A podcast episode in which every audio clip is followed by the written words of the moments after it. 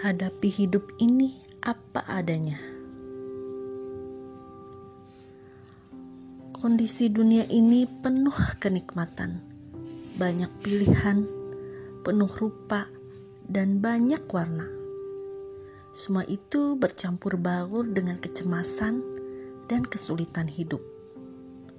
Dan Anda adalah bagian dari dunia yang berada dalam kesukaran.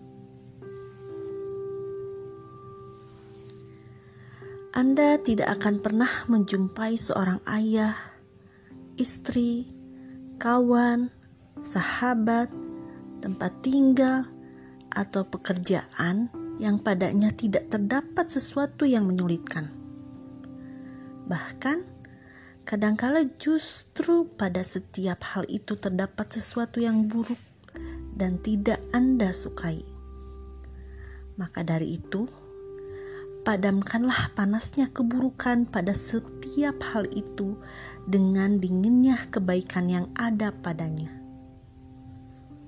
Itu kalau Anda mau selamat dengan adil dan bijaksana. Pasalnya, betapapun setiap luka ada harganya. Allah menghendaki dunia ini sebagai tempat bertemunya dua hal yang saling berlawanan, dua jenis yang saling bertolak belakang, dua kubu yang saling berseberangan, dan dua pendapat yang saling bersebangan, yakni yang baik dengan yang buruk, kebaikan dengan kerusakan, kebahagiaan dengan kesedihan. Dan setelah itu, Allah akan mengumpulkan semua dengan baik. Kebagusan dan kebahagiaan itu di surga. Adapun yang buruk, kerusakan dan kesedihan akan dikumpulkan di neraka. Dunia ini terlaknat dan terlaknat semua yang ada di dalamnya, kecuali zikir kepada Allah dan semua yang berkaitan dengannya, seorang yang alim dan seorang yang belajar. Begitu hadis berkata. Maka, jalanilah hidup ini sesuai dengan kenyataan yang ada. Jangan larut dalam hayalan dan jangan pernah menerawang ke alam imajinasi. Hadapi kehidupan ini apa adanya. Kendalikan jiwa Anda untuk dapat menerima dan menikmatinya. Bagaimanapun, tidak mungkin semua teman tulus kepada Anda, dan semua perkara sempurna di mata Anda, sebab Ketulusan dan kesempurnaan itu ciri dari sifat kehidupan dunia.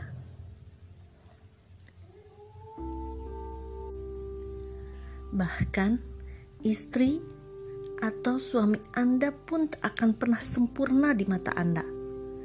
Maka kata hadis, janganlah seorang mukmin mencela seorang mukminah istrinya sebab jika dia tidak suka pada salah satu kebiasaannya, maka dia bisa menerima kebiasaannya yang lain.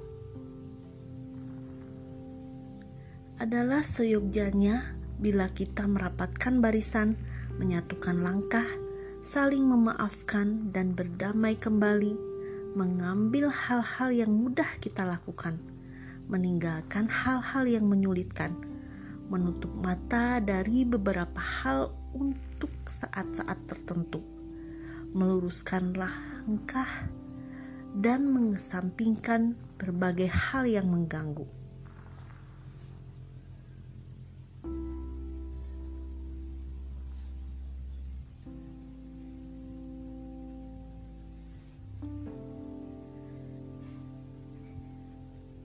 Yakinilah bahwa Anda tetap mulia bersama para penerima cobaan.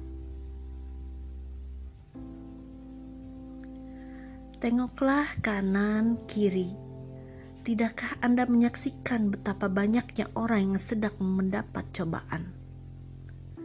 dan betapa banyaknya orang yang sedang tertimpa bencana.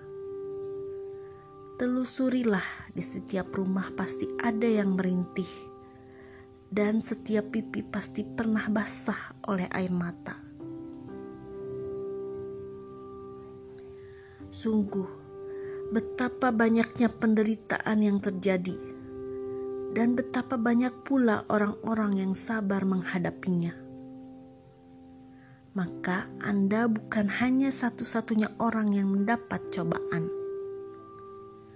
Bahkan, mungkin saja penderitaan atau cobaan Anda tidak seberapa bila dibandingkan dengan cobaan orang lain. Berapa banyak di dunia ini orang yang terbaring sakit di atas ranjang selama bertahun-tahun dan hanya mampu membolak-balikan badannya lalu merintih kesakitan dan menjerit menahan nyeri.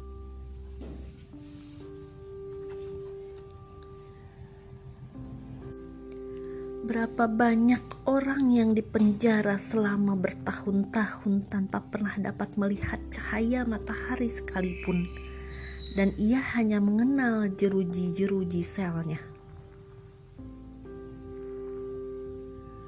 Berapa banyak orang tua yang harus kehilangan buah hatinya, baik yang masih belia dan lucu-lucunya, atau yang sudah remaja dan penuh harapan. Betapa banyaknya di dunia ini orang yang menderita, mendapat ujian dan cobaan. Belum lagi mereka yang harus setiap saat menahan himpitan hidup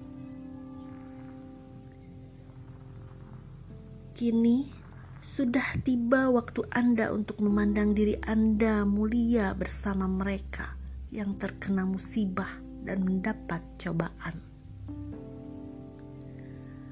Sudah tiba pula waktu Anda untuk menyadari bahwa kehidupan di dunia ini merupakan penjara bagi orang-orang mukmin dan tempat kesusahan dan cobaan. Di pagi hari, istana-istana kehidupan penuh sesak dengan penghuninya. Namun, menjelang senja, istana-istana itu ambruk menjadi reruntuhan. Mungkin saat ini kekuatan masih prima, badan masih sehat, harta melimpah, dan keturunan banyak jumlahnya. Namun, dalam hitungan hari saja semuanya bisa berubah. Jatuh miskin, kematian datang secara tiba-tiba, perpisahan yang tak bisa dihindarkan, dan sakit yang tiba-tiba menyerang. Dan telah nyata bagimu bagaimana kami berbuat terhadap mereka dan telah kami berikan kepadamu beberapa perumpamaan Quran Surat Ibrahim ayat 45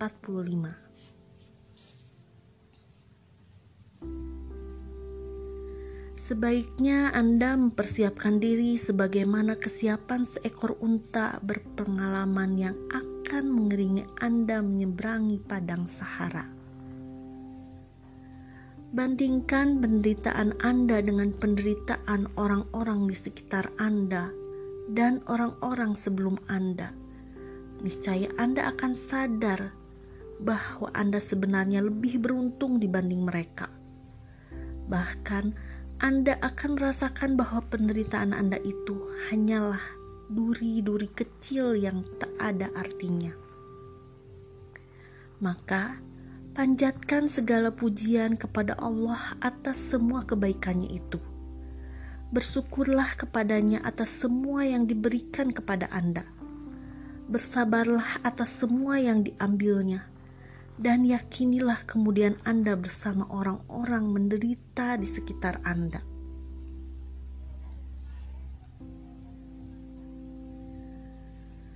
Banyak suri tauladan Rasulullah Shallallahu Alaihi Wasallam yang perlu Anda contoh.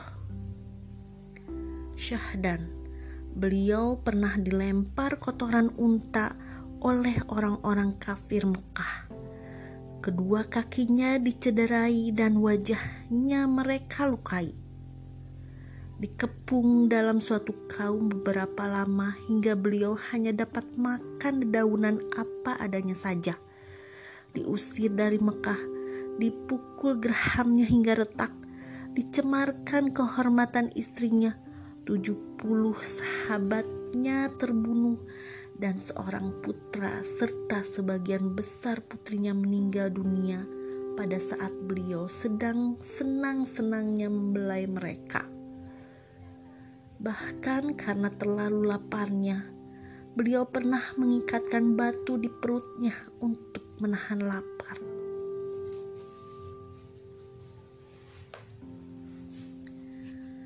Beliau pernah pula dituduh sebagai seorang penyair bukan penyampai wahyu Allah. Sebagai dukun, orang gila, dan pembohong, namun Allah melindunginya dari semua itu, dan semua hal tadi merupakan cobaan yang harus beliau hadapi, dan penyucian jiwa yang tiada tara dan tandingannya. Sebelum itu, Nabi Zakaria dibunuh kaumnya. Nabi Yahya dijagal. Nabi Musa diusir dan dikejar-kejar. Dan Ibrahim dibakar. Cobaan-cobaan itu juga menimpa para khalifah dan pemimpin kita. Umar radhiyallahu anhu dilumuri dengan darahnya sendiri. Utsman dibunuh diam-diam dan Ali ditikam dari belakang.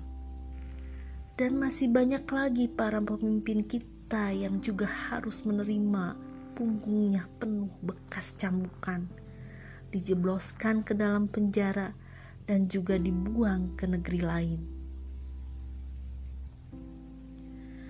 Apakah kamu mengira bahwa kamu akan masuk surga? Padahal belum datang kepadamu cobaan sebagaimana halnya orang-orang terdahulu sebelum kamu.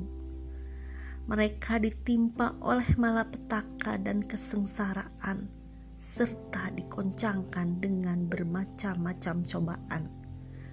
Quran Surat Al-Baqarah ayat 214 Dikutip dari buku La Tahzan Jangan Bersedih karya Dr. Dr. Aid Al-Korni.